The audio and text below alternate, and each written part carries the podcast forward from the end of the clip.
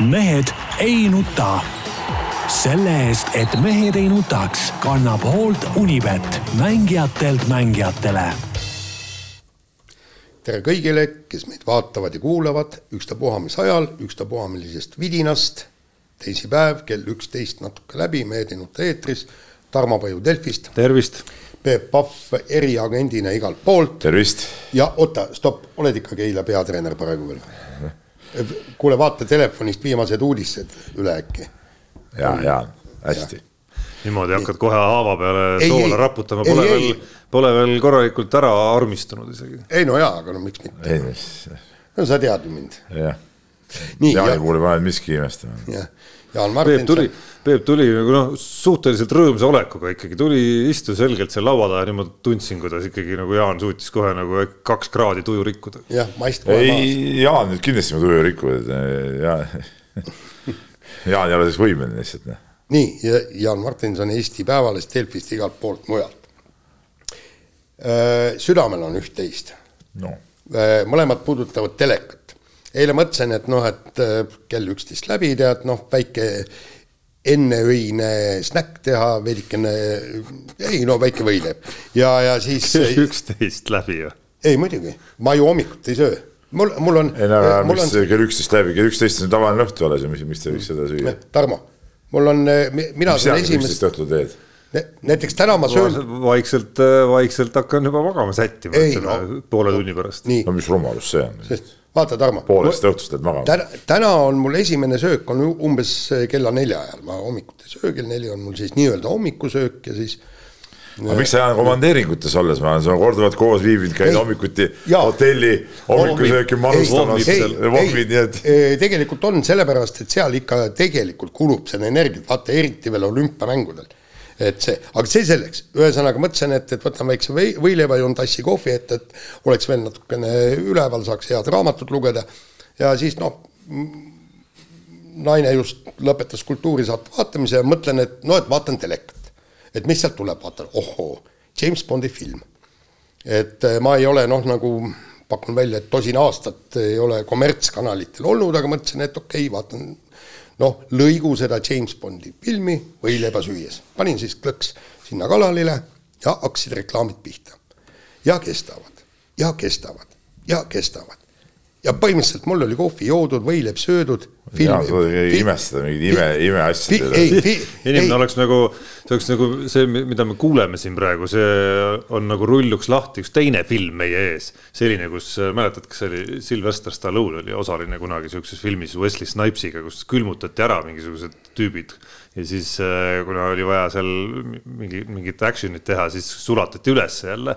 olid vahepeal elust maakeral nagu eemal olnud. et Jaan samamoodi, tosin aastat Jah. kuskil on elanud nagu ma ei tea kus. aga ei, aga ei, mis- aga ei ei, saaks üldse see- aru, mis toimub või kus ei, aga toimub. see, see oli täitsa kohutav, ühesõnaga need reklaamid olid ka nii nõmedad. kuule, olid kaksteist aastat tagasi ka need reklaamid Ei, täitsa olemas, ei saad- olnud nad ka sisuliselt ei, ei, reklaamid olid juba nõukogude ajal muuseas Eesti Televisioonis Jaa, täitsa ei, olemas. ei. siis nad olid ägedad kuule, vaata, Tarmo, asi on selles, et, et noh, tead, mälu pole enam see ja ega ma kaksteist aastat tagasi ka vaatasin ainult üksikud saated. aga see ikka, mis toimub, on täiesti kohutav. aga veel hullem asi. Ma ei tea, te vaatate AK spordiuudiseid, eks no ikka jah, kui ja viimase, on siis ikka. viimase kümne, kümne päeva jooksul on, mis on kõige olulisem spordiala üldse Eestis, tähendab ja nii pika puuga, et üldse noh, teised, ükski teine ala ei pääse mitte ligilähedalegi. loomulikult naiste jalgpall ja kui te eile vaatasite, siis suudeti viis minutit rääkida kellestki mängijast, kes lööb Eesti liigas palju väravaid. Eesti koondise eest pole ühtegi väravat löönud üsna udujutt ja kui me vaatame kõike seda naiste jalgpalli, mis on enne rahvustel, siis vabandage. mul on siin ainult üks seletus sellel. ETV kõrgem juhtkond ehk siis ja, ja uudistejuhid nõuavad, kuna siis Jalgpalliliit maksab äh, nagu me teame, miljoni, nõuab vaestelt ETV spordiajakirjanikelt seda naiste jalgpalli nii suurejoonelist kajastamist, sest ma ei kujuta ette, et ükski endast lugupidav äh, spordiajakirjanik ja Anu Säärits on kindlasti seda, ei hakka seda asja nii jõuliselt ette võtma. samamoodi ei saa vennad diislerid kindlasti selle puhul vait olla kõrvalt, sest nad on ju ka väärikad spordiajakirjanikud. ja kindlasti ka Elar Osilad ja kalkunid ja kõik, nad oleksid selle vastu, aga neilt tuleb kõrgem käsk ja nii, et ma palun sinu sõbral siis, kes seal on, Anvar Samostid ja kes see juhid on, et paluks ennast natukene talitseda. Jaan pani sul, ikka nagu... sul on nagu midagi nüüd nagu, ta ütleb nagu naiste vastu või? ei, mul ei ole naiste vastu midagi, aga mul on No vastu. ma ei, ma tahan näha spordiuudist, praegu toimub eh, Eestis niivõrd palju põnevat ja huvitavat, et millest võiks rääkida ja kõik. alles üks päev, ma ei tea, kas sa nägid, tsiteeriti isegi Jaan Sind ja sinu artiklit. ja, ja muide ja siin tekib muide, tekkis mul kohe jälle küsimus, no kurat küll, millist Jaani artiklit?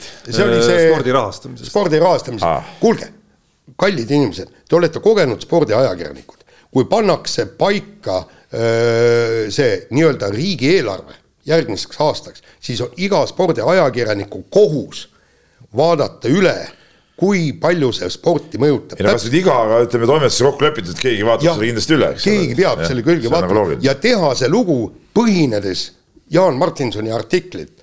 halloo, kas te üldse ei jaga seda asja? selle viimasega ma pean muidugi nõustuma, et see, see peaks olema nagu elementaarne, et keegi igast toimetusest vaatab selle üle, et, et siin nagu ei ole midagi isegi arutada. jaa, no siin on raske jah, mitte nõus olla, ma ei tea, kus see naiste jalgpall sul niimoodi nüüd hinge ei, läks. aga seda on nii palju, no rääkige asjast, noh rääkige see, mis inimest, Eesti jalgpalli naiskond on üks kõige mõttetumaid võistkondi kogu, kogu Eestis. Nad, nad ei ole ju mitte kuskil ega nad ei jõua ka mitte kuhugi. me mehed on kuskil. Ei ole. Ei, aga absoluutselt. miks naiskond on vaata kas naiskond on madalamal kohal kui meeskond või? ei, ilmselt ei ole. kindlasti absoluutarvestuses, kuna ma arvan, et äh, na- naiskondi on vähem maailmas, siis, siis võib-olla on kõrgemal isegi. ja, ja ei, aga küsimus ei ole mitte selles, see on see, et, et viimase kümne päeva jooksul on nii meeletult. nad ei mängi mingit, mingit äh, rahvaste liigat? ei no mängivad, no, no ja so no,. ei, aga Siim-Jaan ma vaidlen sulle vastu. koondise mänge peaks, miks ei olnud äh, Delfi sporditoimetust nende mängude kohal? koondise mänge, ükspuha, mis äh, on ta meeskond, naiskond, jalgpall, korvpall, käsipall, võrkpall, peaks igal juhul kajastama. palun väga, Jaan, ma olen väga. nõus, ma olen nõus, et kajastama, aga sellest ei ole vaja lokku lüüa viis päeva enne ja No, viis päeva sellega ma nõus, ei, ja et ütleme asjadega ära, nõus ja üle ei saa pingutada, aga, aga ütleme, ma ei tea, et meil Delfis midagi oleks olnud sellest üldse. Kindlasti midagi on olnud Midagi- selle. ma ei, ma ei mõtle praegu siin kahelööjast uudist, aga kui koondis mängib, siis koondis peaks alati välja tegema, see on nagu, see peaks, see on täpselt sama loogiline kui riigieelarvest äh, spordi lugemine. nii, aga kui jagata asja, kuidas ja mida kajastada, siis ei ole midagi teha. Eesti naiste jalgpallikoondis on üheksakümne kaheksandal kohal No, maailma edetabelis midagi.. kokku on naiste maailma jalgpalli edetabelis sada kaheksakümmend kuus riiki, nii poole peal. Poole peal, jah. mis mõttes mõttetu? nii et kõik on väga põhjendatud. jaa, no mis poole. võta sõnad tagasi. Ei no ei võta. Rooma põlvili siin ei praegu. rõõma, miks? miks? aga sellepärast, et noh, kuule, ei no ütleme, nüüd tuli ikkagi nagu nii-öelda nagu de- debati nagu kõrgpilotaaž, nupp ikkagi pandi sisse põhimõtteliselt. ei, lahendus, lahendus on see, et tuleb otsida lahendusi. ja no kogu, kogu skeemi oli ka Jaan oma peas ikkagi nagu hästi ära pununud ikkagi, mitte lihtsalt see, et jalkaliit ja nii-öelda raha ja otsad kokku, eks ole, et, et me soosime siis jalgpalli rohkem, noh, mida, kus kindlasti mingeid jooni ja on võimalik ju punuda, eks ole, aga ta oli ikka väga täpselt nimeliselt oli juba Jaan selgeks teinud, kes kõrgemalt. ei, aga ma Anvar, ei no lo- loomulikult ma mõtlesin selle asja on, on lausa nagu juhtnöörid jaganud. no kogu see kõrgem juhtkond, nii, mis edasi, no läheme spordi juurde või? ja no okei okay,, ühe poliitikast me ei ole rääkinud, aga eile jäi mul kuskilt, kuskilt jäi mul silma üks äh, klipikene ja mul tekkis, tekkis täitsa kohe see küsimus, et huvitav, mis, mis tunne on olla inimesel, kes äh, ütleme, jutt käib nüüd äh, siis konkreetsel juhul Tõnis Mölderist, kes teadupärast oli Keskerakonna liige, minister isegi vahepeal ja nüüd liikus siis pärast juhi vahetust Isamaasse. ja siis, kui ta enne oli olnud aktiivne see teema oligi, kes peab puhastama tänavaid, et kas on omavalitsuse kohustus või majaomanike kohustus, et kui ta Keskerakonnas oli nagu siis seisnud nagu ühe seisukoha eest Ei, noh., siis nüüd ta oli on Riigikogu ees Noh. ja risti vastupidist seisukohta siis nagu promos. ei, see on oota, loogiline. oota, Tarmo, mis asi? no et vastu, nii nagu tuul puhub, nii ka mõte muutub. ei, ei, Tarmo, Tarmo, sa vaatad valesti, tähendab, inimene on mingisugusel seisukohal, no ka minu puhul võib ju olla niimoodi. Ma arvan ühte asja. Ja siis ma lähen mõistlik ja, ja, ja ma lähen mõistlike inimeste juurde, noh näiteks teie juurde tulen, eks, ja te, te teete asja selgeks, et kuule, su mõtteviis on vale, tegelikult on asjad nii. Ja siis hakkadki pe- peas neid halle ajurakke liigutama, saad aru, loomulikult, loomulikult. Ma olin enne eksiteel, aga nüüd tarkade inimeste juurde jõudes sain ka targaks, okei. Okay., ei no siis on selge. just. nojah, nii, aga laseme nüüd siis äh, spordil.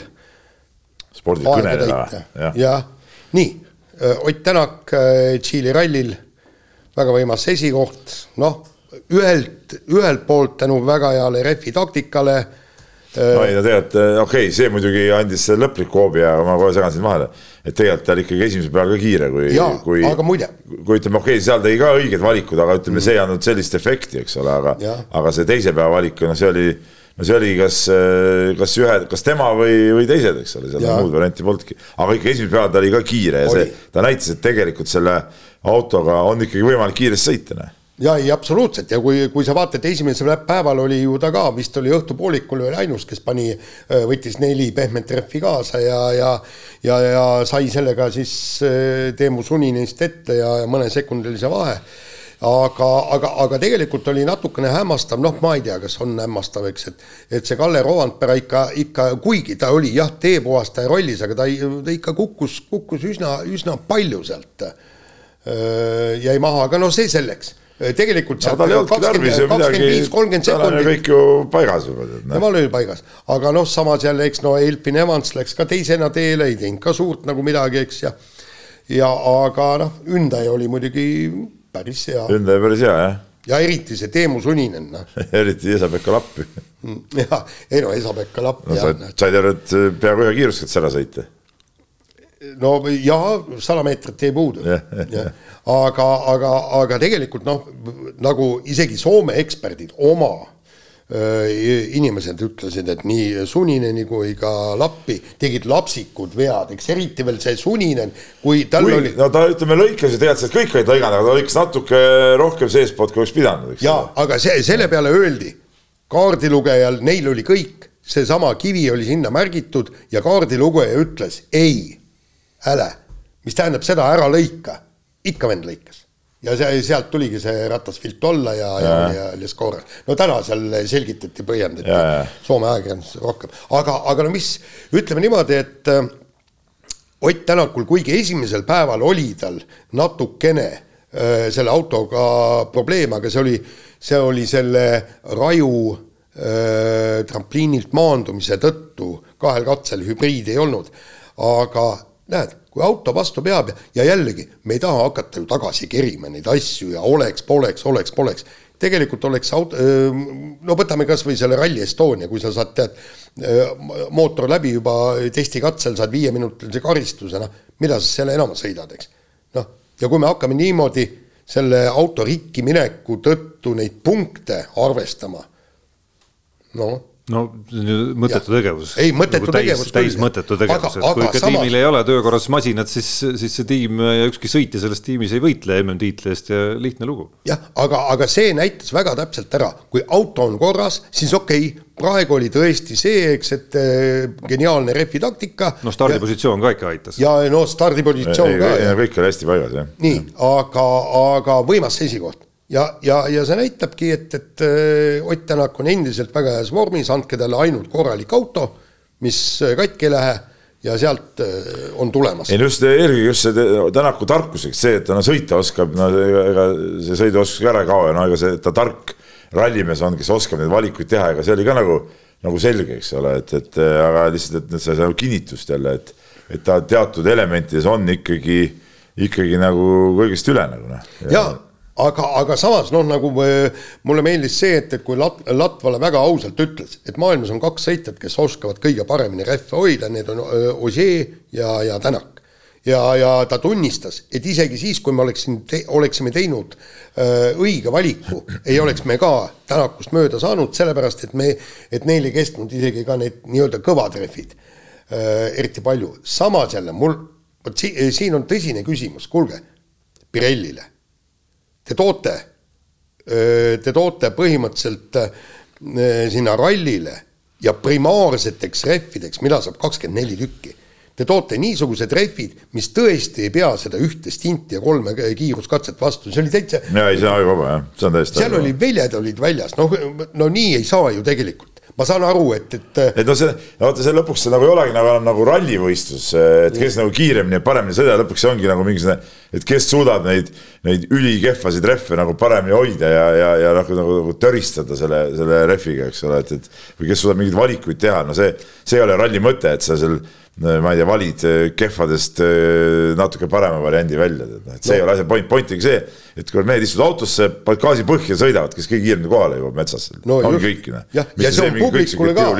ja, ja näiteks mäletad me veel seal Soome ralli ajal, noh, praegu on okei okay,, sa saad splitte siit-sealt vaadata, aga omal ajal, kui sa selle stopperiga mm -hmm. aega võtsid, eks, tuiseb see auto mööda, on ju, eks, ja sa vaatad, jumal, kakskümmend sekundit kaotab ja siis hakkad mõtlema, huvitav, kus ta tegi kuskil vea või tegi spinni või mis mm -hmm. nii, mhm. aga selgub, et ei midagi, lihtsalt vend, vennal on rehvid niivõrd läbi ja, ja, ja kõik, et see ei ole ka nagu mõistlik. ja mi, mind pani natuke imestama ka see äh, laupäevane äh,, laupäevane värk, et, et just äh, Delfin Evansil oli ju võimalus äh, taga ajada äh, Terrine Villi aga ta sai igal katsel neli-viis sekundit pähe ja siis ja siis vaata seal ju pärast kolmandat katset siis küsiti ka finišis, et et noh, et mis värk on, et oi, ütleme, säästame rehvi ja valmistume punkti katseks. oota, mis, sa oled ainukene vend, kes üldse äh, võitleb äh, Kalle Roandperega MM-tiitli pärast. ja, ja, ja sul on willing minna mingi üksteist, kaksteist äh, sekundit. sul on neli katset ees, vähemalt ürita. no ja sul on äh ütleme üldjärjestuses koha võrra tõusmisest nagu rohkem võita, kui ütleme, üks koht siia-sinna sellel punktikatsel lõppkokkuvõttes on ju, et kui sa seal ma ei tea, noh, kakskümmend viis, kaheksateist ja viisteist, kus need punktid seal lähevad, eks ole, et noh, et seal seal, seal need punktivahed on natuke suuremad, on ju. just ja, ja, ja, ja talle pakuti ju kandikul teist kohta, Saane Villist mööda. Suninen läks eest ära, sa oleks kaheksateist punkti saanud ja, ja noh oleks sul vähemalt mingisugunegi lootus, aga nüüd on vist kolmkümmend üks punkti vahe, kaks rallit sõita, noh. no on ainult... väike teoreetiline lootus. jaa, et no aga see punkti katse oli mõnes mõttes pettumus, okei okay,, ta hakkas, eksiski seal mitu no, korda vist tegelikult, et ta läks nagu sõitma, eks ole. tema läks nagu sõitma. ta läks kihutama, läks võtma Rovanperalt nagu punkte veel, aga lihtsalt ei saanud hakkama sellega, kogu lugu. jah, aga täna, Tänak sõitis minu meelest väga mõistlikult selle punkti katse. aga Tänakul ei ole enam ju vahet ju. ei, tal ei olnudki, sellepärast ta võitiski. tema oli ralli võitja ja temast tähtis mitte see punkti katse, see oli nagu selge. jah et noh, kolmkümmend üks on ikkagi selline vahe, et eh, noh, väga raske on näha Evansit äh, oletame, et Rompera no, katkestab. kakskümmend viis pluss viis ja Rompera katkestab ja ongi üks punkt vahet. no vaadates tema kulgemist, väga raske on seda kakskümmend viis pluss viite nagu näha, kuigi ta on ükskord sel hooajal vist saanud selle kätte. ja ta on vist kaks rallit. ei, kaks, kaks rallit. ei, ma mõtlen kakskümmend viis pluss viis sai ta, sai ta Soomes vist kätte, eks. jah, ja aga no seal on igast noh, neid huvitavaid küsimusi muidugi kogu selle ralli peal lõpuks tekkis, eks noh kõik ju rääkisid, et, et, et me tahame enne Kreeka rallit asjad paika saada, siis eh, sealsamas Kreekas Hyundai vend ütles, et noh, et, et me paari nädala jooksul avaldame oma plaanid, et kas me saame neljanda auto või midagi, mitte midagi, täielik vaikus ja siis noh, kõige suurema paugu pani muidugi see Thierry Neville, kui ta äh, Belgia riiklikule telekanalile, raadiokanalile andis intervjuu, kus andis teada, et tõenäoliselt Ott Tänak tuleb järgmine aasta äh, Hyundai'sse ja kusjuures ta selgitas ju väga põhjalikult, eks, et jah, et, et enne, enne on olnud noh, meil nagu nii-öelda koostöö ei ole sobinud, eks, aga uus tiimi boss, äh, tema paneb asjad paika ja äh, Ott Tänakust saab meeskonnamängija. tähendab, ühesõnaga ta, ta rääkis nagu, nagu noh, kui seal ei oleks mitte midagi taga olnud, null asja taga, siis ta ei oleks enda jaoks kõike seda läbi mõelnud see oli huvitav lause muidugi ka teistpidi, et, et mida ta siis nagu minevikku vaadates ja sellest äh, ajast, kui koos töötati, et mida ta siis nagu, mis tema nagu nägemus ja mälestus siis sellest Ott Tänakuga koostööd siis on. tiimibossil ei olegi seda mälestust? ei, ei, ma mõtlen Neville'il endal. aa, Neville'il, aa, ja, ja, ja. no aga see, ütleme niimoodi, et noh, oli, mis oli, eks, et aga aga, aga siis tiimi boss, noh, see ka nagu midagi ei öelnud, aga ütles, et, et varsti ehk saavad. ja, ja no, ei, ta kandis nagu mõista ikkagi. ja ikka, et eelmine, järgmine aasta me oleme oluliselt tugevamad. andis. et, et noh, ma ei tea, mille arvelt sa tugevamaks ikka minna saad siis. jah kui, kuigi nad teevad ju meeletult tööd seda ja seda ju möönis nii tiimi boss kui ka Neuvill, et meeletult tehakse praegu, praegu tööd äh, auto kallal selleks, et ja, Toyotale järele jõuda. jaa, aga mäletad, eelmine aasta oli ju see tegelikult kogu aeg see häda, et et Hyundai nagu ei ole, ei ole ikkagi selles konditsioonis, noh, et, et nüüd ongi see, et nemad teevad küll meeletut tööd, aga ma vaatan, see Toyota ka niisama nagu pikutab, et ei, nemad teevad ka, eks ole, et nüüd ongi see, see küsimus, et kui nüüd Ott läheb jälle sinna, et praegu on tehtud võib-olla ühes suunas seda tööd jälle nagu nii-öelda, nii-öelda Neuvilli äh, vaates seda autot, Ott läheb sinna, siis läheb, kulub jälle pool hooaega, kuniks äh, seda autot hakatakse või noh, tehakse selliseks, mis, mis Otile jälle sobib, et noh, et kui nüüd nagu M-spordil oleks võib-olla natuke rohkem vahendeid siis tegelikult mõistlikum oleks äh, püsida M-spordis, et Ott on saanud läbi aasta nagu võib-olla mingeid omi ideid seal, seal välja tuua, kuidas seda autot tehakse, no nüüd näeme, et noh, okei okay,, Rootsis võitsid, hooaja alguses nüüd võitsid äh, seal Tšiilis ka, eks ole, et noh,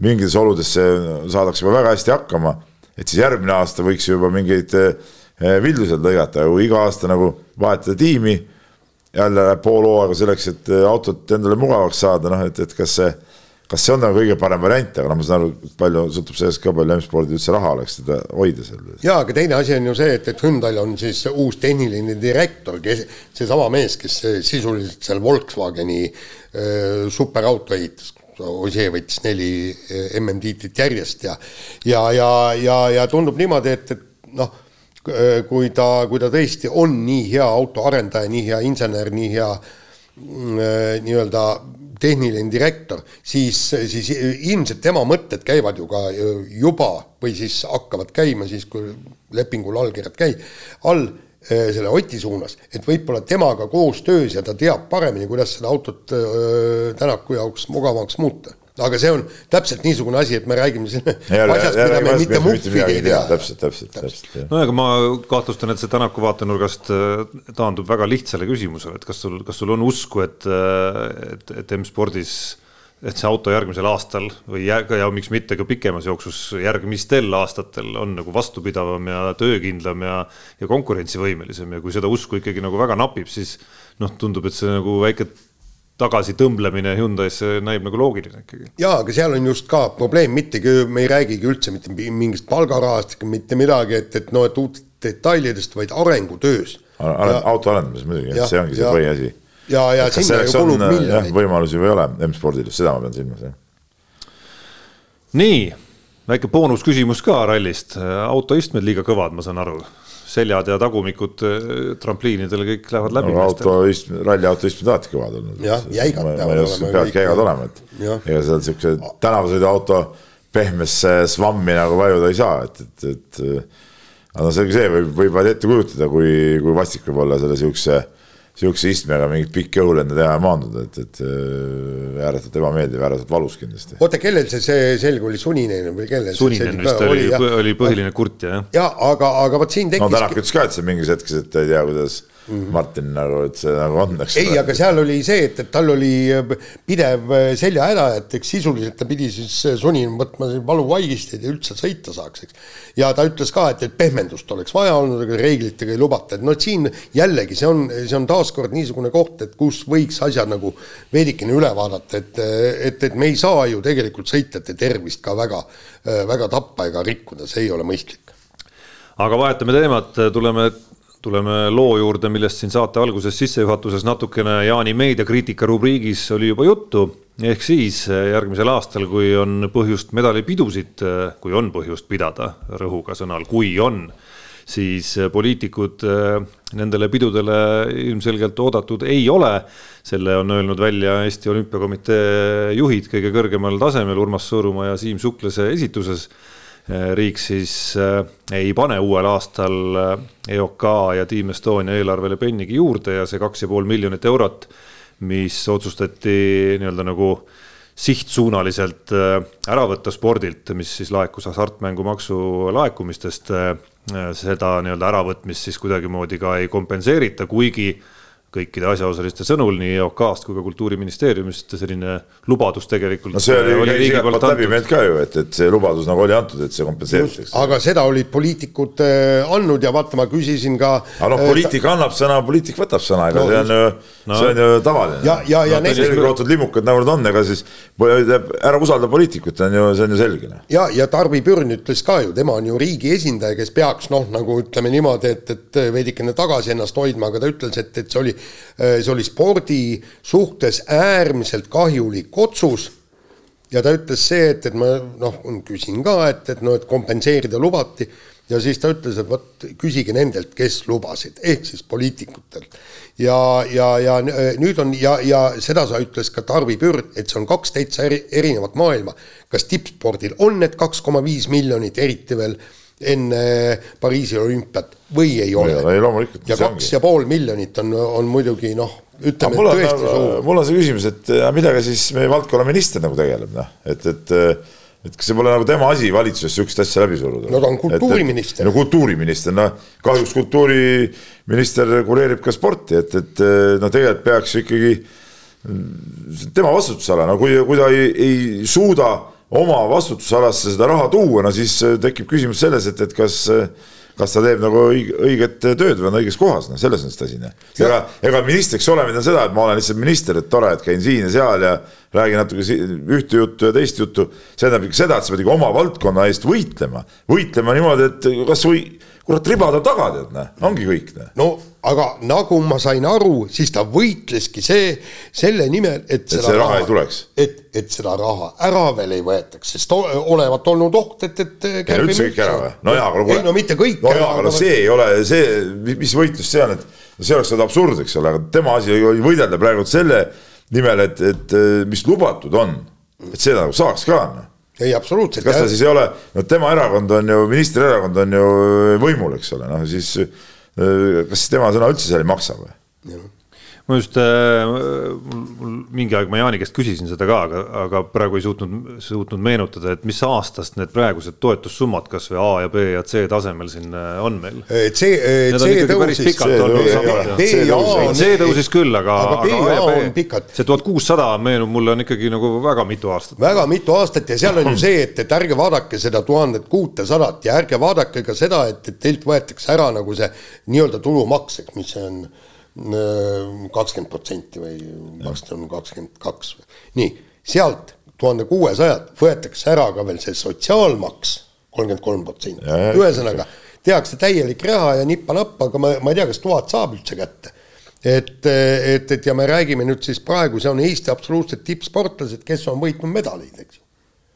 EM-i, EM-i ponks hõbe ja, ja, ja sul ongi noh, põhimõtteliselt saad näpuotsaga kätte nippa-nappa üle Eesti, Eesti miinimumpalga, eks. et noh, kus ma selle, selle ajaloo meenutusega tahtsin jõuda lihtsalt, et noh, vaadates ümberringi, kuidas A noh, milline on inflatsioon olnud ja siis B, mismoodi noh, enamikes sektorites ikkagi nagu on toimunud ka mingid korrektsioonid ja, ja palga, palgad on pigem ikkagi nagu kasvanud mõnes sektoris rohkem, mõnes vähem.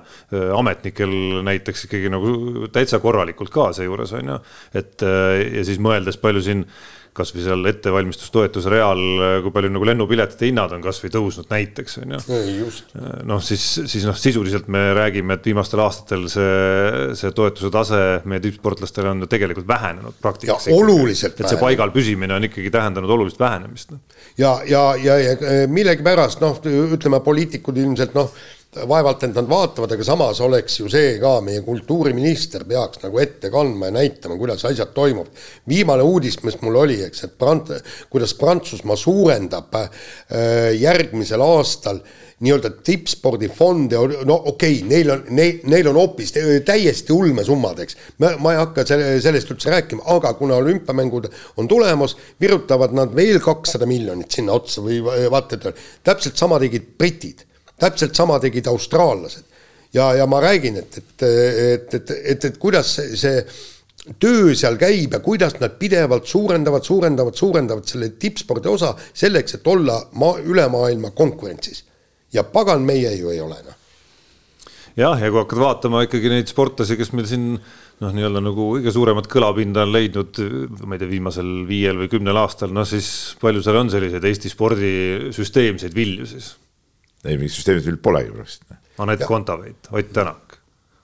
jah, ei aga muide, ma, ma hakkasin vaatama, kes on võitnud olümpiamedaleid, eks ja kui me vaatame, noh, paneme sinna Neljapaat, siis äh, Kelly Sildaru, äh, siis äh, noh, paganama, Gerd Kanter ja kõik nii. ja mis neid, üks asi, mis neid kõiki ühendab, on see, et nad on, EPV naiskond, on nad pika aja jooksul, aastate ja aastate jooksul olnud väga korralikult Eesti spordi mõistes finantseeritud, võta või ne, neljapaadid, Hendriks on ju kakskümmend aastat, tal on olnud palk, tal on olnud ettevalmistustoetus, tal on kõik olnud. Kelly Sildaru, täpselt samamoodi, kuigi ta on väiksest pealegi, isa tagas talle kõik nii, et ta ei pea mitte midagi muud tegema kui ainult sporti. EP naiskond, mis nad võitsid siis kaks tuhat kaksteist äkki võitsid esimese kogu see naiskond võitsid esimese EM-pronksi ja hakkasid sealt siis saama korralikult finantseeritud.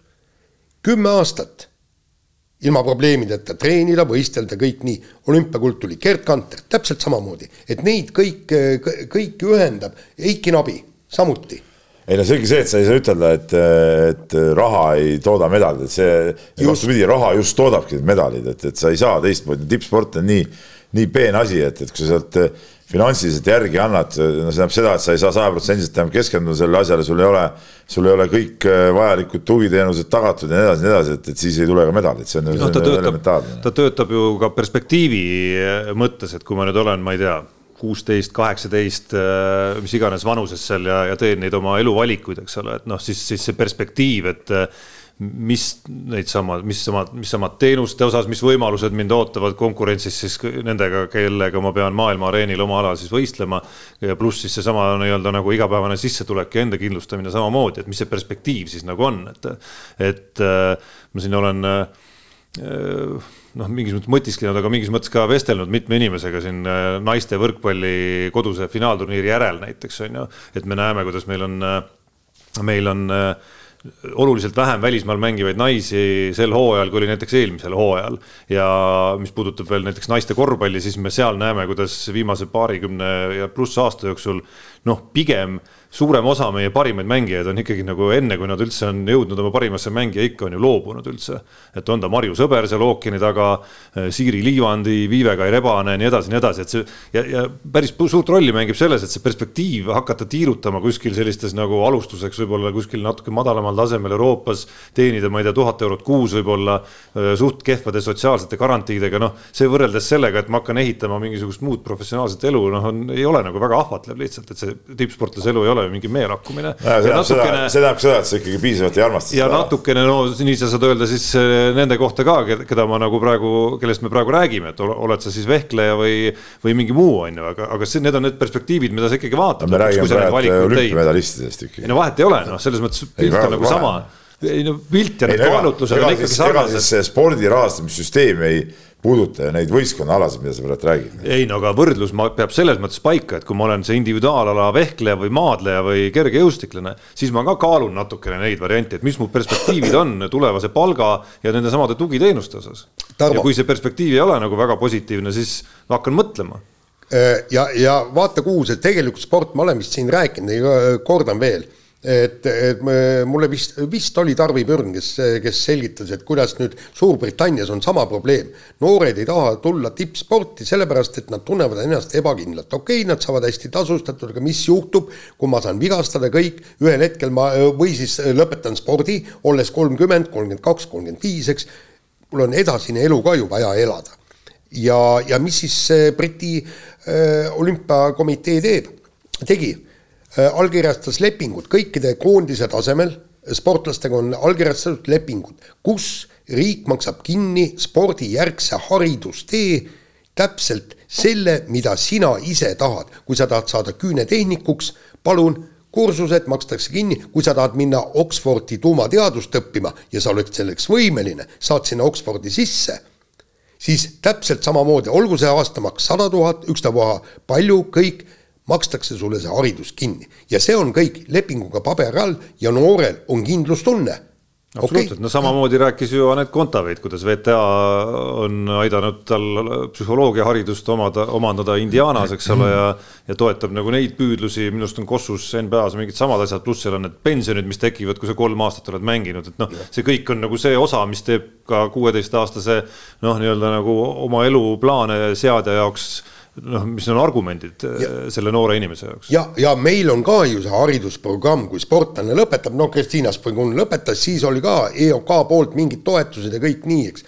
aga see, see on ainult, ütleme niimoodi, näpuotsaga. seal ju kindlustatakse õppimise ajal, sa oledki tudeng, järgmised neli aastat oled tudeng, tudeng pärast sporti, saad eriala kätte ja vot alles siis sa lähed tööturule, sinnamaani makstakse sul kõik kinni, nii nii, aga lähme edasi jalgpalliga ja, ja kurikuulsa Aivar Pohlakuga. Äh, UEFA siis lubas Venemaa Valgevene jalgpalli noortevõistlustele tagasi, sest lapsed pole süüdi, mida vanemad teevad, oli siis nende avalduses. kaheteist riigi jalgpallikoondised teadsid, et nad ei osale kindlasti ühelgi turniiril koos Venemaaga, koos Venemaaga, aga Eestit selles nimekirjas ei olnud. kerkib üles küsimus, et miks ei olnud ja miks ei väändu Aivar Pohlaku, Eesti Jalgpalliliidu presidendi keel siis kuidagi nende protestidega nõustuma no ütleme see, no väited olid küll jaburad, et noh, et kõik see toimub, et Eestis on see U seitseteist jalgpalliturniir, et see toimub alles mitme aasta pärast ja ma loodan, et selleks ajaks on sõda lõppenud, eks. teine asi oli see, mis ta ütles, et ei, et me ei ole, me, me ei taha nii radikaalseid otsuseid välja käia, ta-ta-ta, kõik nii, kallid inimesed, just need radikaalsed otsused, nagu tegi kaksteist riiki, need panevadki UEFA ümber mõtlema.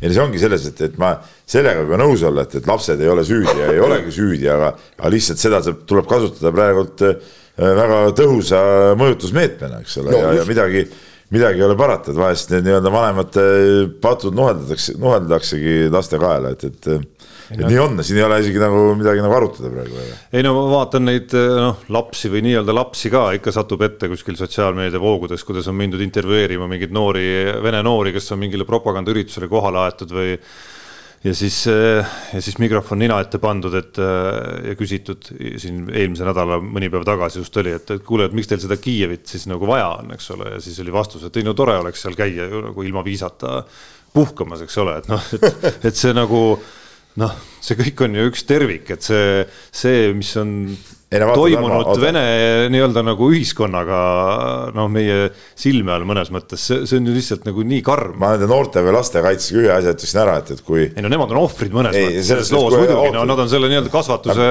ohvrid no,. Mis... lase rääkida. nii, palun. pläma ajada, et kui ütleme seitsmekümnendatel või kaheksakümnendatel oleks äh, näidanud mingit televiisoris, et et noored on kuskile kogunenud äh, ja küsitakse mingi küsimuse, siis, siis loomulikult äh, oleks vastused olnud samasugused, noh, sest et äh, keegi oleks ütelnud, et, et maha Nõukogude Liit, et tahame iseseisvat Eestit või mingit sihukest asja, oleks seal öeldud ja et, et me oleme siin sotsialismimaade võitude poolt ja, ja, ja, ja, ja rassime siin edasi, eks ole, et, et Ameerika on paha ja kõik ajalehed kavaldasid neid pilte, karikatuure, eks ole pahast onu Sämmist ja, ja nii edasi, nii edasi, et, et see ei ole nagu, nagu otseselt nagu mingisugune näitaja, et näitaja on ikkagi see, mis jah, selle sõjategevus nagu toimub, see on nagu näitaja, et. aga et need noh, mis lapsed ei puutu nagu asjasse, aga, aga, aga neid võistlusi muidugi ei saa lasta, ma ütlen, see on no,, see on hea mõjutus, mõjutusvahend, et, et. ei no kurbloolisus ongi see, et noh, Aivar Pohlak on tegelikult ju läbi, mis ta nüüd on, kolm aastakümmet juhtinud Eesti jalgpalli ja, ja nagu pigem noh, valitseb selline kuidagi selline vibe selle juures, et, et jalgpall ise ja siis ja, ja ka Aivar Pohlak ise on kuidagi nagu noh, no mõtleb kuidagi natuke kõrgemates sfäärides, kui meie lihtsad inimesed võib-olla siin nagu hoomame, et, et kõik see eetika, et see kõik on kuidagi nagu teisel tasemel, eks ole, ja ja, ja kui siis vaadata ja mõelda ümberringi maailmas, et, et mis seal Ukrainas toimub ja kuidas tegelikult ukrainlased sõdivad äh, minu arusaamise järgi nagu vägagi selle eest, et, et ühel hetkel see sõda tegelikult ei oleks siin nagu meie pinnal Tallinna all ja, ja Eesti riik ei oleks nagu hävit-, hävitatud, on ju, siis, siis, siis kuidagi sellist nagu rahvaste sõpruse juttu kuulda, noh, minu arust ei ole nagu, ei ole nagu kuidagi võimalik minu arust leppida sellega Aivar Pohlaku suust. Ja tegelikult ka kogu Jalgpalliliidu suust ei tule nagu äh, ühegi teise juhtiva nii-öelda ametniku või, või inimese suust ei tule seal ka ühtegi teistsugust nagu signaali, kuigi noh, see, see on omaette jalgpalliliidu ülesehituse teema võib-olla natukene, et selles mõttes müts maha U seitseteist koondise peatreeneri Marko Pärnapuu ees, kes, kes jõudis ikkagi öelda sisuliselt välja, et kui, kui see niimoodi läheb, et, et tema koondis peaks, peaks Venemaaga mängima, siis tema seda koondist kindlasti ei juhenda. no just. see on nagu loogiline. jah, et, et, et tegelikult on jaa, et, et vaata, seal on need probleemid on ju, eks, et kui ühiskond näeb asja ühtemoodi, eks, siis kahjuks on meil teatud persoonid kõik, kes näevad seda kuidagi teistmoodi ja ma ei, ma isegi ei, ei saa aru, mis ei, on mina et lihtsalt no kas, ma ei tea, kas Pollak näeb teistmoodi, aga tal on tal on mingid, äh, võib-olla mingid huvid nagu mängus, miks ta ei taha seda välja ütelda, noh. see on nagu no, tundub nagu, see tundub nagu loogilisem, eks ole no,. räägitakse no, Tarmo Kingi pakkumine oli, eks, et, et see üldse võimaldaski selle turniiri saada näiteks on ju, kuigi no. samas okei okay,, see on see nii-öelda nagu noh, nii-öelda äh, kasu ja siis nagu see argument on ju, aga kui, kui sa vaatad Aivar Pohlaku sõnavõtte sellel teemal kasvõi selle Konstantin Vass-, Vassiljevi skandaali ajal näiteks on ju noh, siis, siis küsimus ei ole ainult nagu selles nagu, et oh, saime turniiri ja ütlen nii või võtan niisuguse seisukoha ja ei kirjuta alla sellele dokumendile, vaid, vaid noh, pigem mulle tundub, et Aivar Pohlak nagu näebki seda asja teistmoodi kui, kui meie ja, ja kusjuures ma saaksin kogu aru. seda, kogu seda, kogu seda lugu ja, ja, ja sõja olemust ja selle seda, kuidas peaks seda nii-öelda siis nagu lahendama ja, ja kas peaks Venemaa nii-öelda nagu äh, jõuga pikaks ajaks paika panema või siis äh, vastupidi, kuidagi siin üritama ikka nagu sõpru mängida. ja just see, et, et ma saan aru, et, et kui kõik ütlevad, et okei okay,, asi on jama, aga me mängime, aga sul on kaksteist riiki ees, kes on andnud oma sõnumi, ole kolmeteistkümnes. nii, mina või? Ikka, ikka. no räägime korvpallist. Läheme Peebu personaalküsimuse juurde. no ütleme niimoodi, et jaa, et, et siin korvpallis on igasuguseid ägedaid asju olnud. no ma isegi olin leebe, ma sõnastasin, Jaan, sinu õhtust nagu lauset siin natukene nagu pehmemaks siin, et no, ära ütle kohe, seda, kohe ära ei, ei jookseks siit stuudiost, aga nüüd on sul võimalus ise sõnastada sisse küsimus korvpallinädala tagasivaateks. no ütleme, Eesti, Eesti-Läti meistriliiga algas Keila sai kohe avamängus eh, kena ja kauni ja väga kindla võidu. siis tuli Peep Pahv pukki tagasi, kaks ketukat ja tõesti korralikku ketukat. milles küsimus, kas äh, on teil äkki vajadus kohti vahetada, et siis äh, sinu teine treener siis tuleks peatreeneriks ja, ja sina siis astuks sammu tagasi või?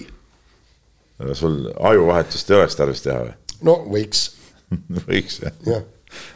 et, et tegelikult mille taha need, need mängud jäid, no mängu ju oli, aga mitte lõpuni.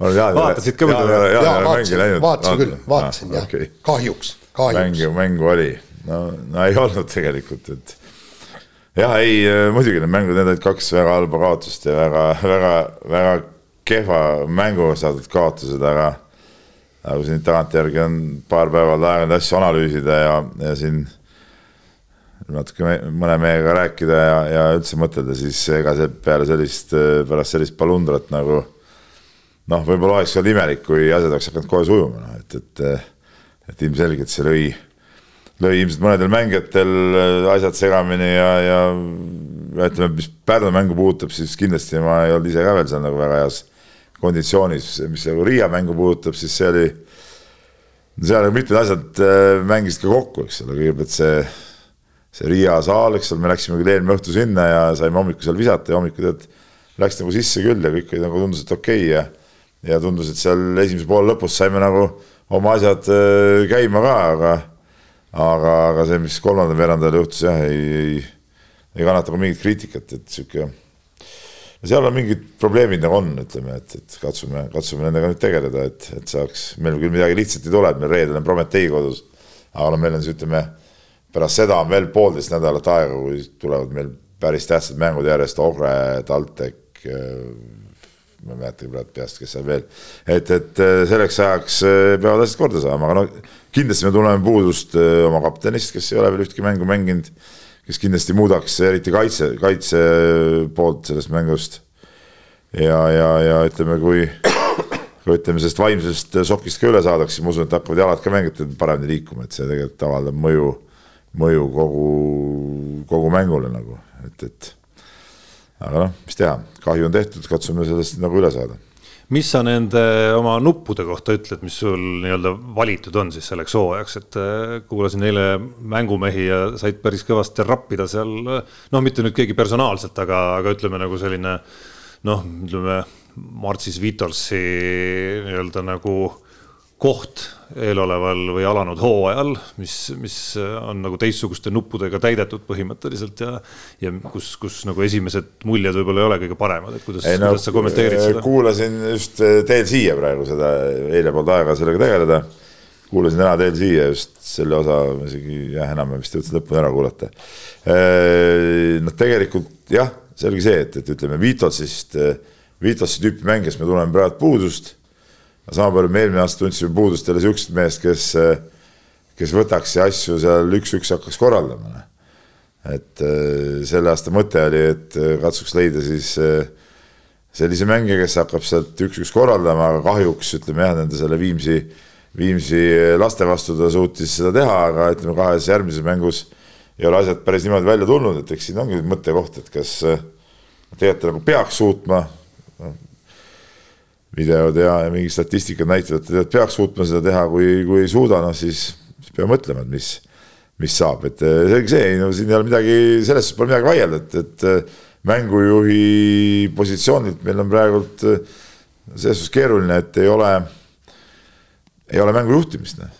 et, et, et selles, sellega ma nõus jah, sellega ma nõus, et aga ütleme jah, see, see mõnes mõttes sai nagu tehtud teadud, teatud, tehtud teadlik valik, et et võtta teist tüüpi mängujuht, aga, aga et praegu seda üldse mängujuhtimist ei ole, see on nagu tulnud negatiivse üllatusena, kõik, mis puudutab nagu, nagu muid asju. noh, see, mis Eesti kutti puutub, selle ma juba ütlesin, eks ole, mis puudutab muid, muid välismaalasi, siis ega see korvpallialune mees äh,, ega ei ole viga, aga lihtsalt praegu ta nagu tema peale jääb nagu liiga palju, noh, ta tegelikult ei peaks äh, nii palju seal domineerima seal korvi all et, et see mäng peaks nagu ühtlasemalt jagunema, et praegu pall jääb sinna ja siis äh, võib-olla sinna kinni ta ka jääb, et ja, ja, ja Andrei on, on väga heas vormis, et Andrei kohta pole ühtegi halba sõna ütelda, võitleb ja, ja jumala, jumala tipp-topp, et, et ei, no ma usun, et ma usun, et saab asjad paremaks, et ma ütlen, et raputused saavad nagu mööda natuke ja, ja saame siin natuke rahulikumalt äh, asju teha, siis ma usun, et läheb paremaks iseenesest on huvitav hetk, äh, see praegune hetk korvpallihooajast, kus noh, alati kui ühe mängu pealt ei ole mõtet nagu väga midagi nagu arvama hakata, aga nüüd, kui ikkagi kaks-kolm ametlikku mängu on kõikidel mängitud, siis noh, hakkavad mingid muljed nagu kogunema ikkagi, et et äh, kui nüüd laiemaltki vaadata kogu seda noh, eelkõige Eesti klubide käekäiku siin, siis, siis noh, vaikselt juba noh, mingid mustrid võib-olla välja joonistuvad, et ma arvan, et okei okay,, no mitte nagu tiimi tervikuna nagu tugevuse osas, aga just nagu mängijate osas individuaalselt, et, et nagu need muljed, et kas mingisuguse valikuga on äh, lõigatud näppu või ei ole. päris nii, ma ikka kolme või nelja mängu pealt isegi ei ütleks, et midagi seal välja joonistub. noh no,, Tartul ma kujutaks ette natukene mõttekohta võiks juba olla paari legionäri osas näiteks et kas nad nagu kannavad seda rolli välja, mida, mida neilt, ma arvan, võistkond edukuseks vajab sellel hooajal no aga sa täpselt ei tea ka, mida neilt oodatakse, noh. Mida sealt äh, ülipikalt. no sealt ülipikalt ma eeldan, oodatakse seda, et kui on mängu otsustavad minutid, siis on ta väljakul, mitte ei ole, mitte ei ole väljakul mees, kes oma senise karjääri on peamiselt esiliigas mänginud. no ei tea, ma arvan, et otsustaval hetkel peaks ikka see Malmanis seal väljakul olema no oli ju, Erkki Urvik oli väljakul. jaa, Valmas oli ju puudus ju selles mängus ju. ja, ja aga noh, ütleme noh, kui selles valikus ma eeldan, et, et Aa, eeldus tema see... värbamisel oli midagi muud näiteks. ei, ma seda ei usu hästi, ma arvan, tal oli ikka mingi kindel roll seal ette nähtud. et see on, ma arvan üldse, ma arvan, paari mängu pealt ei maksa, ei maksa mingeid erilisi järeldusi veel teha, et nüüd üks sats on jube kõva ja, ja üks on jube halb, et noh, see TalTechi võit VEF-ile, see oli tore, aga noh, vaatame, VEF-il oli pool võistkonda puudu ju. noh, näiteks võtame kasvõi selle selle nüansi sinna juurde, muidugi võit ja võit alati ja, ja üli, ülikõva, eks ole. aga, aga noh, ütleme mingid detailid, sellest ei saa teha ka mingeid järeldusi, et, et, et see üks sats on nüüd hirmus kõva ja, ja teine ei ole. TalTech muidugi hästi alustanud, TalTech ongi see aasta väga, väga hea võistkond, noh, et, et selle kohta ei ole midagi ütelda, ma ütlen, et alati need, need üksikud mängud niimoodi ei anna nagu selget seda pilti. ja kusjuures, kui sa TalTechi mainisid, siis, siis kindlasti oli see võib-olla selle nädala või möödunud nädala üks toredamaid kossuelamusi, noh, mitte ainult sellepärast, aa okei, no mitte räägi. ainult sellepärast, et, et TalTech selle võidu kätte sai ja et mäng ise nagu põnev oli, aga mulle no ikka nagu aina sümpaatsemat muljet, noh teist mängu ja nüüd siis ka nagu lõpus natuke rohkem jätab ikkagi Kasper Suurorg seal selles rollis, mis ta on, et, et, et näha nagu näha teda vähemalt siin esimeses paaris mängus täitmas nagu seda ootust, et tuleb üks Eesti mängija ja astub sellesse otsustaja rolli, kus muidu oleme harjunud välismaalasi nägemas, ütleme, esimesed paar mängu on näidanud, et see ootus ei ole nagu alusetu. nojah, aga vaata, see ongi. aga, aga pikk hooaeg on ees veel. no seal äh, kuulsas korvpalli podcast'is ka kritiseeriti seal näiteks Kasemetsa, noh, ütleme, et, et ei ole seda teinud, teist teinud, aga noh võtame nüüd kontrollmängu, nüüd kontrollmängud on midagi muud, eks ole, aga seal ta tegi ikkagi täitsa soliidsete vastaste vastu tegi ju väga-väga okeid partiid, eks ole.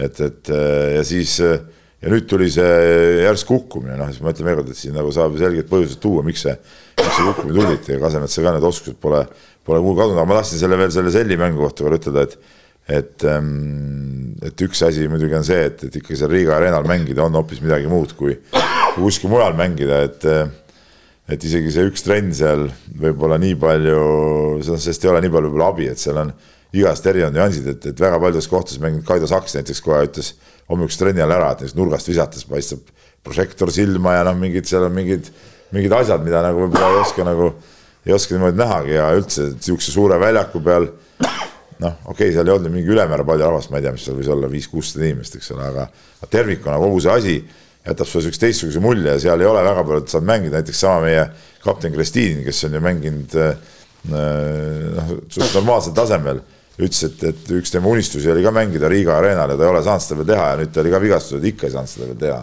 et, et, et siin tulevad mingid siuksed äh, momendid ka mängu, noh, et, et ei, ei noh, jah, aga samas see oli äge muidugi. kuidas äh,, ei saa küsimata jätta, et kuidas siis klubi nii-öelda äh, juhtimispoolel temperatuur on nädal hiljem? ma ei tea, mis täna õues oli seal. kolmteist või? üsna jahe oli jah, tuleb tunnistada. kolmteist oli täna, ei olnud väga jahe, vist, et see. no tulin pintsaku peal täna. kakskümmend viis kraadi on ju rohkem kui kolmteist. sihuke diplomaat nii, kas. nii, Euroliigast ka räägime. päästame ära Peebu sellest kimbatusest no hooaeg hakkab pihta, pole alanud, väga põnev, äh, nagu põnevus, ma ei tea, eks mälu on lühike selles mõttes, et iga hooaja see alguse nädal tundub, et oh, jube põnev on, aga, aga seekord nagu tundub ka päriselt, sest päris palju on neid kaardipakke seal äh, mingite satside osas eriti ikkagi nagu raputatud. Aga mis puudutab meie enda huvisid, äh, mis kahtlemata on siis ühest küljest Kaunases Žalgiris kui Baltikumi klubi ja, ja teisest küljest siis Victoria Baskonia kui kahe Eesti mängijaklubi noh, siis üsna vastakad tunded ausalt öeldes, et, et Victoria Baskonia osas ausalt öeldes ei ole see tunne väga hea. pärast seda, kui sealt ikkagi selle võistkonna kõige tähtsam mängija kahe hooaja vahel lahkus, Darius Thompsoni mängujuht siis, mis on ka tegelikult ikkagi ma nagu natuke nagu pelgan, on ka Maik-Kalev Kotsari mängu päris suurelt mõjutav tegur ikkagi, sest et et Kotsari koostöö Thompsoniga oli ikkagi kindlasti üks, üks nagu ka Kotsari särava hooaja selline nagu nurgakivisid ikkagi. ja aga mis Žalgirist puudutab, siis seal pigem nagu on nagu vastupidine tunne, et et, et sealt võib nagu päris huvitav ja põnev hooaeg tulla, justkui vaadata, mis, mis, mis mehed sinna tagaliini on nagu kokku saadud ja ja kuidas seal tegelikult võib veel tulla mingisugune täiendus selle Ignas Prasteikise asemele ka juurde veel ilmselt, kes, kes ära lahkus ja kellelt, kelle eest saadi veel pool miljonit raha ja, ja tema enda palk ka juurde, siis, siis võiks teoorias olla seal täitsa korralik rahakott veel mõne, mõne päris hea lüli juurde, juurde hankimiseks endale. mis sa, Peep, kostad? ja ma just ausalt, mul äh, pole väga palju olnud aega nüüd niisuguseid mingeid eelasju siin mõtelda või vaadata, ma ootan kindlasti Euroliiga algust ja ja, ja vaatan, vaatan mänge huviga, aga ma ma, ma ei suuda sinuga praegu nagu selles, selles analüüsis kaasa minna, ma ütlen kohe ära, et ma ei, ma olen jälginud küll mingeid üleminekuid, asju, kes kus on, kus mängib, aga ma ei ole nagu saanud aegagi tegelikult mingit lugeda mingeid suuremaid analüüse või, või asju, et, et hakkad mängud pihta, siis näed. noh, lihtsa skeemina ütleme siis ära, Madridi Real pärast tiitlikaitsjana Facundo Campazzoga koos peaks olema justkui ikkagi nagu soosik number üks, kuigi ma vaatasin Kihlve kontoreid, et Monaco oli seal kogu aeg rinnutsi kes on. fakt on see, et Barcelona on kehva. ja kes on pannud ikka nagu väga karmi eesli või vabandust, tagaliini kokku. selle kolmele ässale on veel Kemba Walker tulnud juurde. Ja, aga, aga olulisem minu arust on see, et seal on tegelikult muudes lülides on väga häid liigutusi tehtud ja, ja selliseid nagu häid rollimängijaid, kes nii-öelda põrandat moodsas keeles võiksid nagu laiali venitada, teistel positsioonidel on nagu juurde tulnud, mis teeb nad nagu väga huvitavaks. ja noh, siis on siin paugutanud Cervena Zesta kõvasti ja ja noh, muidugi Panathinaikose tagasitulek Erkin Atamani isiklikul vedamisel näib väga põnev, et nad on siin juba esimese skalbi võtnud ära ka varakult siin hooaja algul, nii et see saab olema põnev jälgida nii mänguliselt kui ka mänguväliselt. no ma olen poole silmaga neid Hispaania mänge näinud, eks, mis ma ütlesin siit kõrvalt, et Barcelona tundub, no Barcelona küll, küll ei ole nagu mängu käima saanud, vaatasin seda äh, lau-, ei reede õhtu Riias hotellis olles äh,, vaatasid, kui nad mängisid äh, liiga vist oli uustulnukaga või, see lisaaja peal lõpuks, lõpuks ütleme läbi häda siis said eh, Laprovitole mööda visatud vabaviskele saadud laud ja koos sireeniga sisse visatud eh, korv viis mängu üldse lisaajale ja olid, olid seal väga hädas ja ja, ja, ja vaatasingi seda, kui see hooajaline turniir oli, see kohalik mingi karikas seal, et, et ei, ei ole nagu midagi erilist, aga küll, küll aga Real on tõesti, on jätnud hea mulje, et et seda ma küll ütelda jah, aga nende muude satsi ma nii palju niimoodi näinud veel. muuseas, oota üks asi veel muidugi seal, mis oli nagu naljakas, oli muidugi see, et, et seesama see Venerbatš jah, see käis ka mingi Moskvas CSKA. CSKA-ga mängimas jah. turniiride mängimas, üks Türgi klubi oli veel, kes mängib vist Eurokappi või, või mingit asja. et noh, palju, õnne neile ei no ja kusjuures ma endiselt ootan pikisilmi seda lugu, noh, selles mõttes see, mis toimub maailmas ümberringi, on nagu masendav, et noh, mingi paralümpiale lastakse ja Slovakkias sai võimule, äh, võitis valimised partei, kes leiab ka, et Ukraina toetamise peaks lõpetama ja nii edasi, nii edasi. ja ma ootan endiselt ka nagu korvpallimeedia poole pealt seda hetke, kus keegi nüüd läheks äh, ja kui seda esimese vooru järel ka ei tule, ma ei tea, kellega Fenerbahce mängib, kes seal pressikonverentsil ütleks Ituudisele, kuule, jõu, mis asi see nüüd oli, on ju mängivad. no aga Ituudisel on CSKA-s ju kõik vanad sõbrad. ei, ma saan aru jah, täpselt, aga ma tahaks. no ta ütleb, siis ta, siis tuleb sihuke jutt, ma ütlen kohe, mis jutt tuleb, et no äh, sport on sellest kõigest üle ja, ja, ja ja isiklikud suhted ja me ei sega siia kus, seda ja me noh, tegime lihtsalt nagu mängu. et kus on isegi antud juhul Euroliiga leedulasest pealik ja tema sõnavõtt näiteks. nii, aga laseme kõlli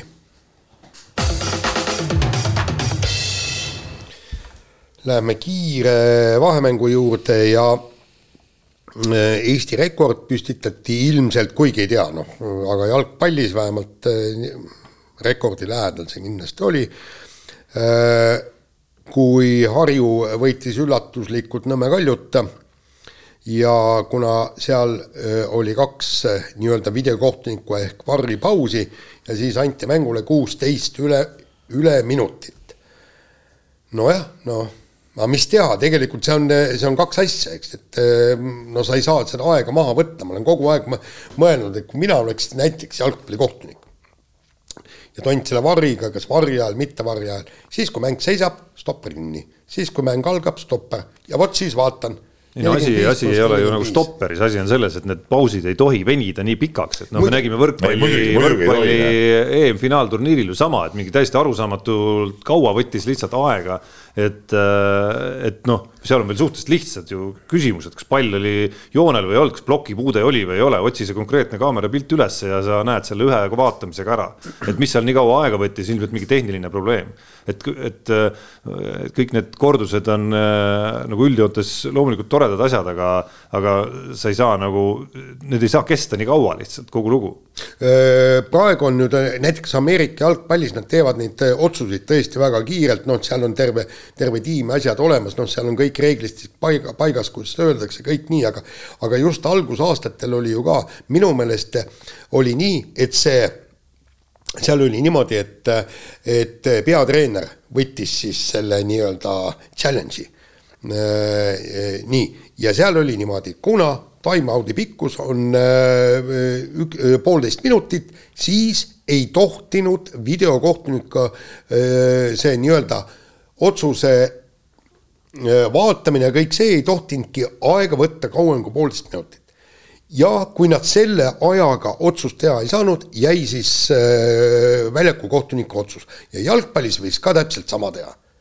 Okei okay,, me oleme, kas anname minuti, anname poolteist minutit, okei okay,, kaks minutit on palju, aga anname siis kaks minutit. kahe minut, kaks minutit täis, otsust ei ole Varri poolt kõik, mäng, äh, mäng jätkub ja väljaku kohtuniku otsus jääb kehtima, kõik, punkt. ei, see on, see oleks väga, väga loogiline. ja stopp, stopper hakkab käima kohe. stopper hakkab käima kõik.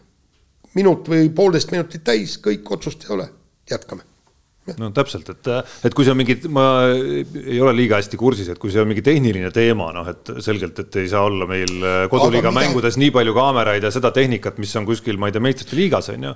noh, siis, siis tulebki vastavalt sellele ka seda, neid reegleid nagu sättida ja, ja, ja mõelda, mida üldse saab ja kaua saab ja nii edasi ja nii edasi, et sama, mis mul öö, vahel kodust kossu vaadates, noh, kus ei ole seda nii-öelda varrisüsteemi, aga nendes veebiülekandemängudes, noh, kus on ikkagi nagu üks üldkaamera, siis on korvipealsed kaamerad, selline lihtne setup, noh, ma võiks juba öelda, noh, tegelikult ka treenerid ja kohtunikud, noh osa nendest nii-öelda vaietest või vaataminekutest on mõttetud, sest noh. Nende kaamera vaateväljadest ei, ei ole saa. võimalik mingeid asju lihtsalt näha, kas kas pall läks out'i temast või temast, kella on võimalik vaadata näiteks alati. aga mul on korduvalt olnud neid hetki, kus ma hakkan nii-öelda ekraani ees karjuma, et ei, ärge minge vaatama, sest ei näe, selle kaamera piltidest ei näe seda, mida te tahate näha, noh, kogu lugu ei no eriti, eriti kõva see vaataja on tavaliselt need Euroliiga mehed, nii, nii Alliku kui, kui Perandi, et nad on harjunud sellega ilmselt, et noh, et lähme vaatame, eks ole, selle pealegi, et see Eestis ei ole, et, et nii. see, see oli nii, ju ka sealsamas, kui, kui me käisime Peebu mängu kommenteerimas, eks, et esimene mäng eelmine no seal oli ka ikka täiesti kuradi jaburad asjad, mida vaadati ka minutite kaupa. millel ei olnud mitte mingisugust noh, sisulist tähendust et Euroliigas ka, kusjuures me läksime sujuvalt jalka pealt Kossule, on neid reegleid sel aastal, eile just lugesin, natuke kohendatud just selles suunas, kus äh, anti treeneritele challenge eid juurde, samas äh, kohtunikud ise omaalgatuslikult lähevad vähem neid asju jälle vaatama, ehk siis on nagu püütud nagu võimalikult kuldset keskteed leida seal nagu selle vahel, et palju seda mängu nagu segatakse.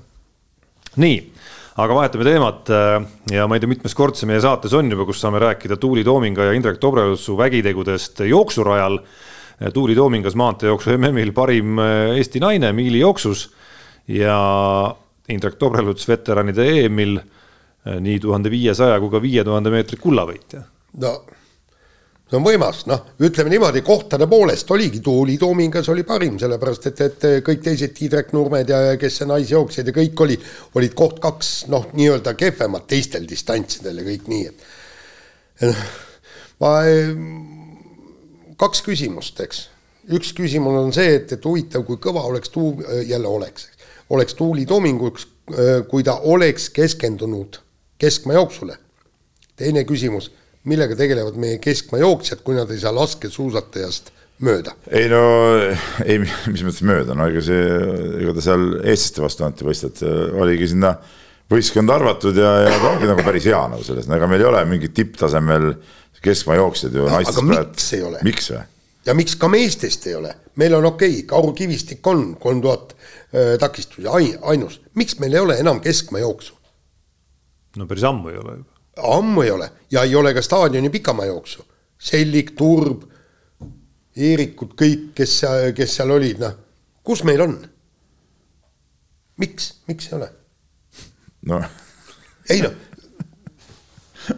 no alles saate teises no, osas rääkisime, kui, äh, kui, kui kehvake meie spordisüsteem on, võib-olla tuleb sinnagi vaadata. oota, tegelikult see hakkab ju noorusest pihta see hakkab noorusest pihta, kõigepealt sa pead, on mis on, eks sa pead ikkagi noortevõistlustel ees, eelkõige näitama midagigi. aga meil ei ole, me, me, me ei pane isegi. meil ei ole neid ikka nagu kohe nagu päris väga ammu ei ole tegelikult. Isegi... Pike, pikema maajooksjaid isegi nagu on siin nagu sisse visanud. ja no maratonarid meil on ikkagi olnud jah. jah ja., aga, aga see on see, et, et me ei saada isegi ju mingisugune UEM-idele, me ei saada isegi välja keskmajooksjaid nii, nii, aga meie saalioki naiskond peab siis sõitma MM-turniirile niimoodi, et iga mängija peab äh, maksma siis ise kuludeks äh, tuhat eurot, no see on nagu, see on nagu laste korvpallis, et lähed turniirile ja siis lapsevanemad maksavad kinni selle. nii on jah. no tead, see on midagi jama, vot see on okei okay,, on see meie naiste saaliku koondis professionaalne või amatöörne või see, see ei puutu nagu asjasse, aga jälle ma tulen tagasi sama jutu juurde, mida ma rääkisin saate alguses ka. koondis, koondis esindab riiki, see ei ole nende mingisugune eralõbu, et ah, me nüüd lähme ja mängime seal midagi.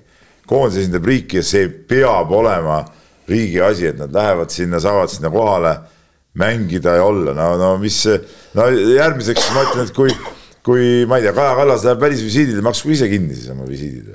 ei no jaa, aga ei lähegi, president ei saanud Austraaliasse. no jaa, aga no see, see on totrus, noh.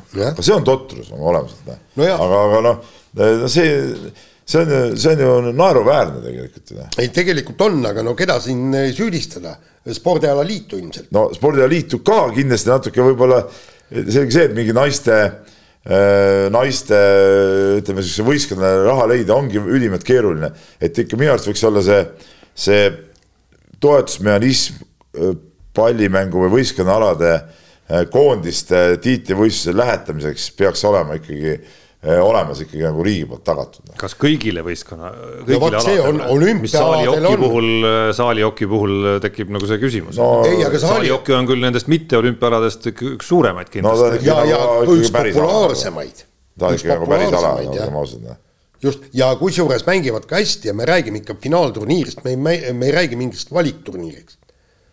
nii et, et see raha tuleks. see, no see, see on, see on lihtsalt piinlik tegelikult noh nii, äh, võtame järgmise teema ja Ott Tänak ja Robert Virves istuvad Saaremaa rallil ühte autosse, äh, kuigi äh, noh, ütleme niimoodi, et Ott Tänak juhib ja Robert Virves on kaardilugeja.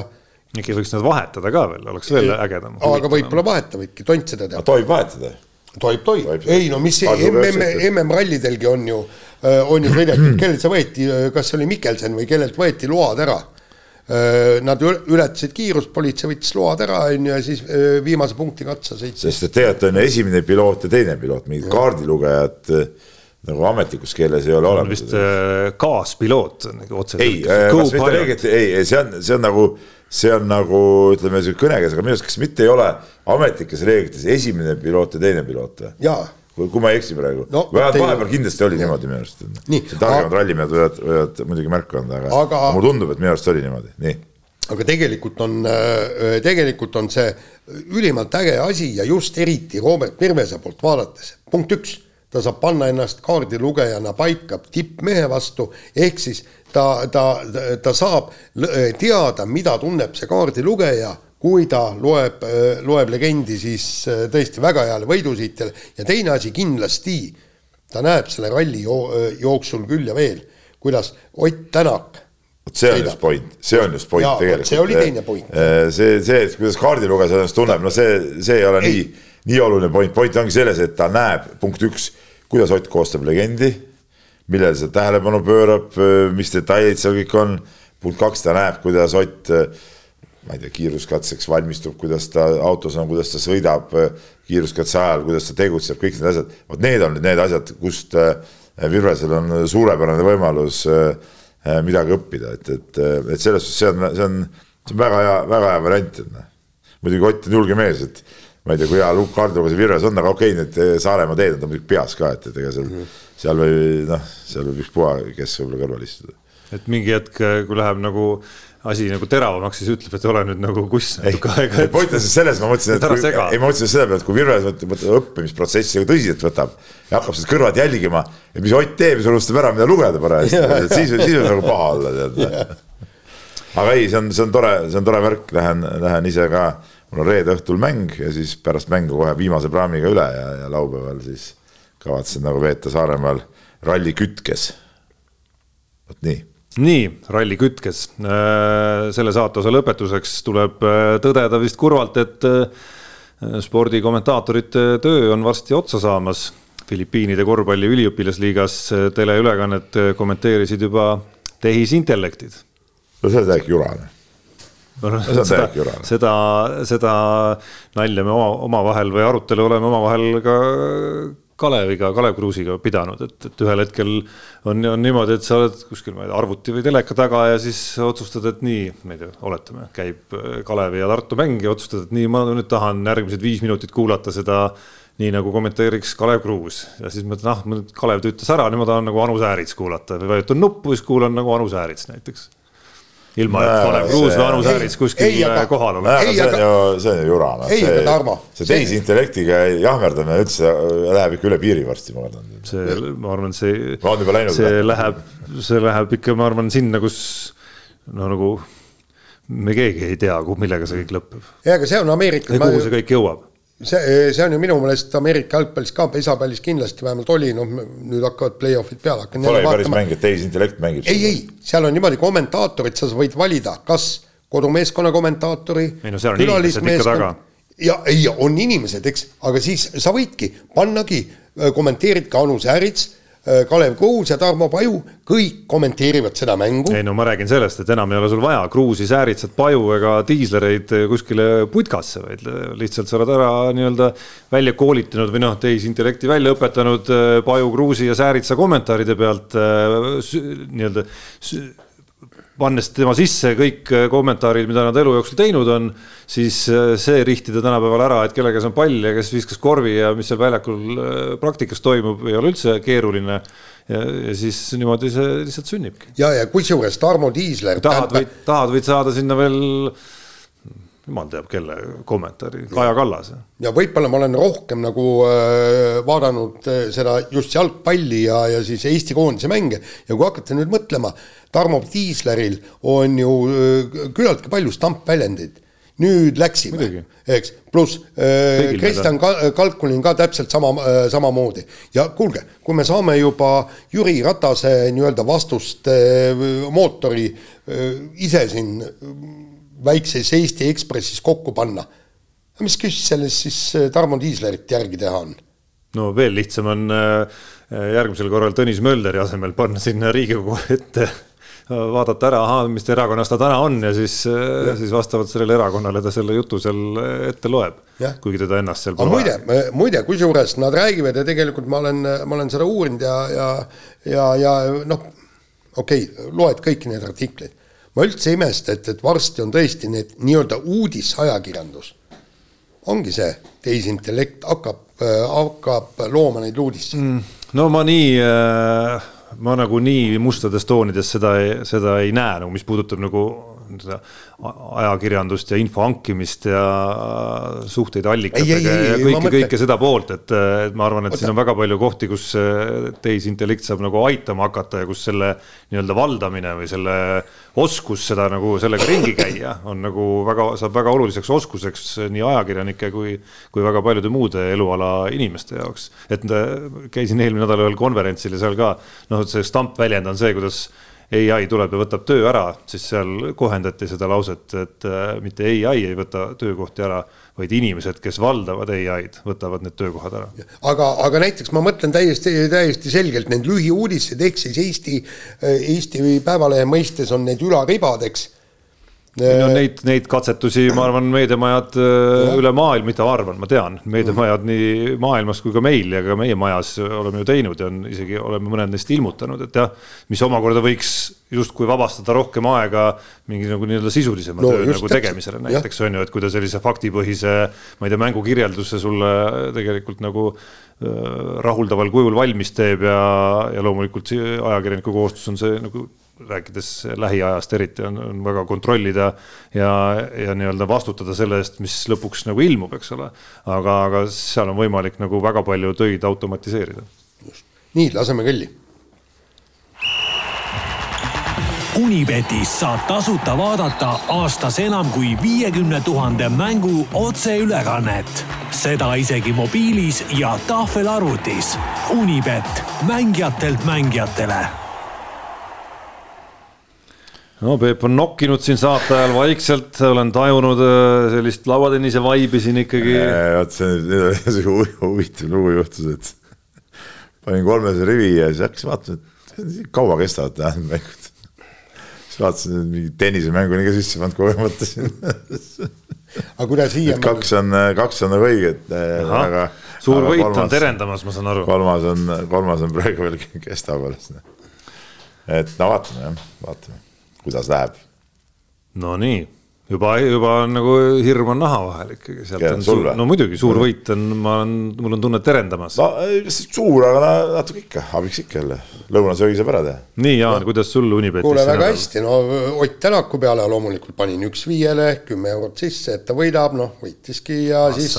Panin siis, siis see, et, tuleb esikolmikusse, vot see äh, panus, aga seal ei saanud oli väike jah, sinna selle panin ka mina, nii et see jäigi mu ainsaks panuseks, kümmekond eurot äh, Jah. lisandus kontole. aga põhimõtteliselt tulin miinusest pluss ja nüüd on vist mul kolmsada kolmkümmend kaheksa eurot. no näed, ai, ai, ai läheb, põnevaks. läheb põnevaks.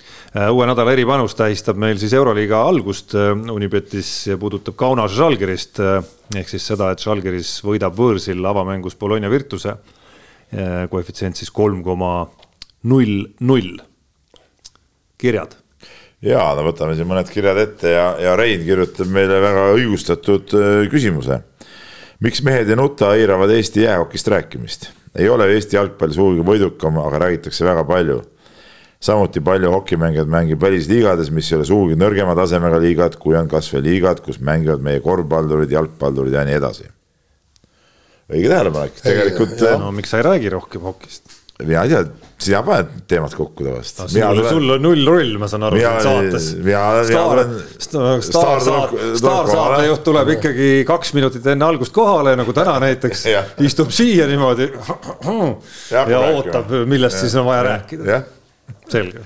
et aga ei, Oki vääriks igal juhul rohkem kajastust ka, ma ei räägi meie saate kontekstis, üleüldse suuremat kajastust võib-olla, okei okay,, Delfi kannab see aasta äh, mingeid hokimänge seal üle ja ja see kõik on tore, aga, aga rääkida oleks ja tegelikult ega me võib-olla täpselt ei ei teagi, mis, mis pagana liigades osad mehed veel mängivad ja, ja, ja kus nad mängivad, tähendab, et tähendab noh, ütleme ma enam-vähem nagu teangi, kuna ma olen hokikoondist jälginud, siis ma enam-vähem tean, kust mingid mehed on tulnud, aga aga kui kõvad või seda konteksti paneku oskust võib-olla, võib-olla ei ole, eks ole, noh, Roobaga on lihtne, eks ole, Soome, Soome meistriliiga klubi meeskonna kapten seal, noh, see, see kõik on nagu, nagu selge, aga ütleme seal muud mehed ja panna nad nüüd konteksti näiteks mingisuguse äh, suvalise Eesti koondise jalgpalluri, kes mängib ka nagu kuskil mingis liigas ma võ- võtan nüüd kinni, onju, et tegelikult see see päris teema peaks isegi selle võib-olla, võtage võib-olla ette selle teema, päris huvitav teema. Mis, teine- mis tasemel see värk üldse on, see klubide värk seal, jah. ja aga teine asi on ka see, et, et äh, nüüd äh, võtta ja, ja tuhnida välja, kus, kes, mida ei, see ei, see ei ole see ei keeruline, ole üldse see, see on, ei, ei see, no ei, ma mõtlen Ma- ma, seda, ma- et ma räägin- iga,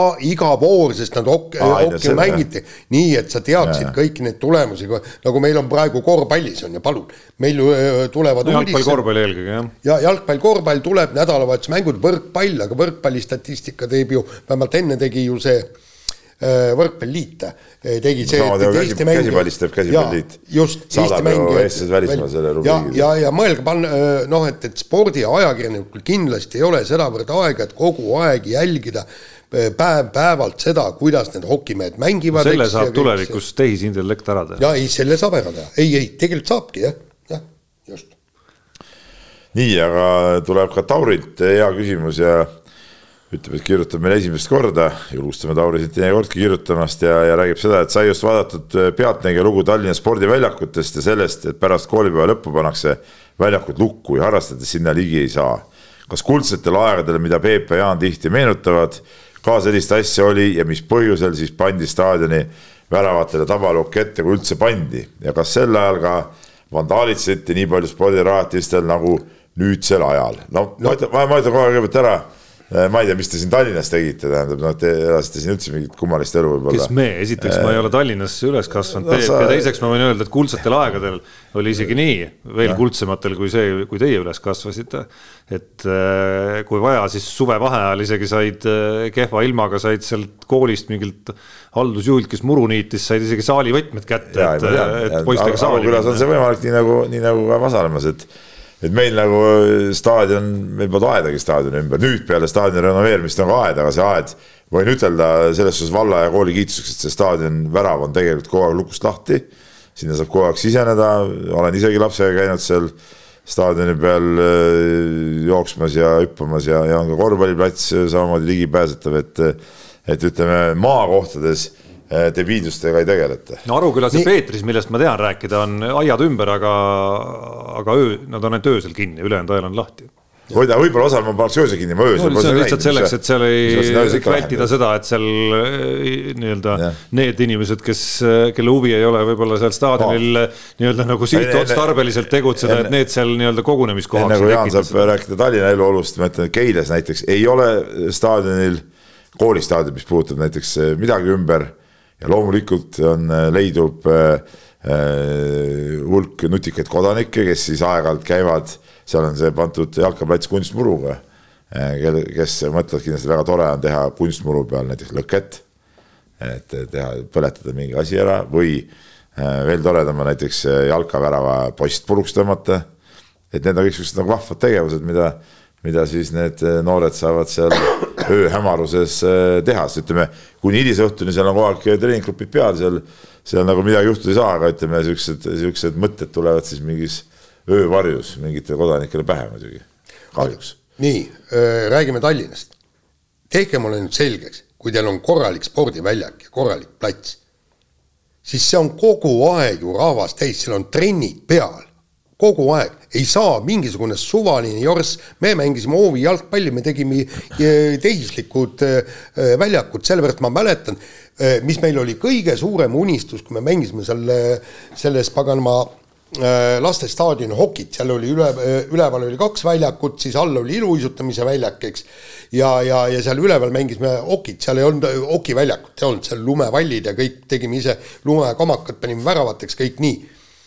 Aga all oli siis see korralik ilus jäähokiväljak koos poodide ja väravatega ja võrgud on ka seal. ja siis oligi niimoodi, et passisime peale, kui trenn lõppes siis äh, tuli need jää, äh, seal ei olnud jäämasin, aga taadid lükkasid selle lume seal nende äh, ka kokku ja siis lubati meid kolmeks-neljaks-viieks minutiks sinna. me läksime sinna, kõik me saime vastu poolt ja litrit visata, võrku visata, kõik nii ja siis tulid ässad, no mingid noored. kas sul olid kõik... siis juba need punased salveuisud? ei, siis ei olnud. nii, aga siis ja siis tuli kohe uus trenn peale, uus trenn peale no,, uus trenn peale, aga Äh, näiteks seal oli täiesti vaba, äh, kes vaatas, nüüd oli, millal see hiljuti oli see äh, Kalev kuuskümmend kaheksa näidati see, see videoklippe seal ERR-i sees.